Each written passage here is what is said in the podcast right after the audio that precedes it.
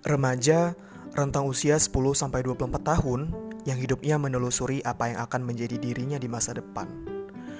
Bukan sedikit remaja yang menelusuri hidup dengan melewati jalan yang curam, melewati jalan pintas hanya untuk mendapat sebuah kebahagiaan sesaat. Menjadi troublemaker di masyarakat, lalu menjadi bencana di masa depan.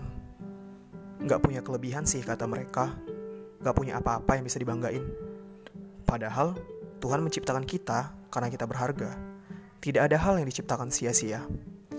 Aku akan ngobrol bareng teman-teman inspiratif yang bakal share pengalaman ke kalian semua yang akan membawa kalian ke masa-masa remaja kalian dan akhirnya membuat kalian sadar bahwa ternyata kalian berharga.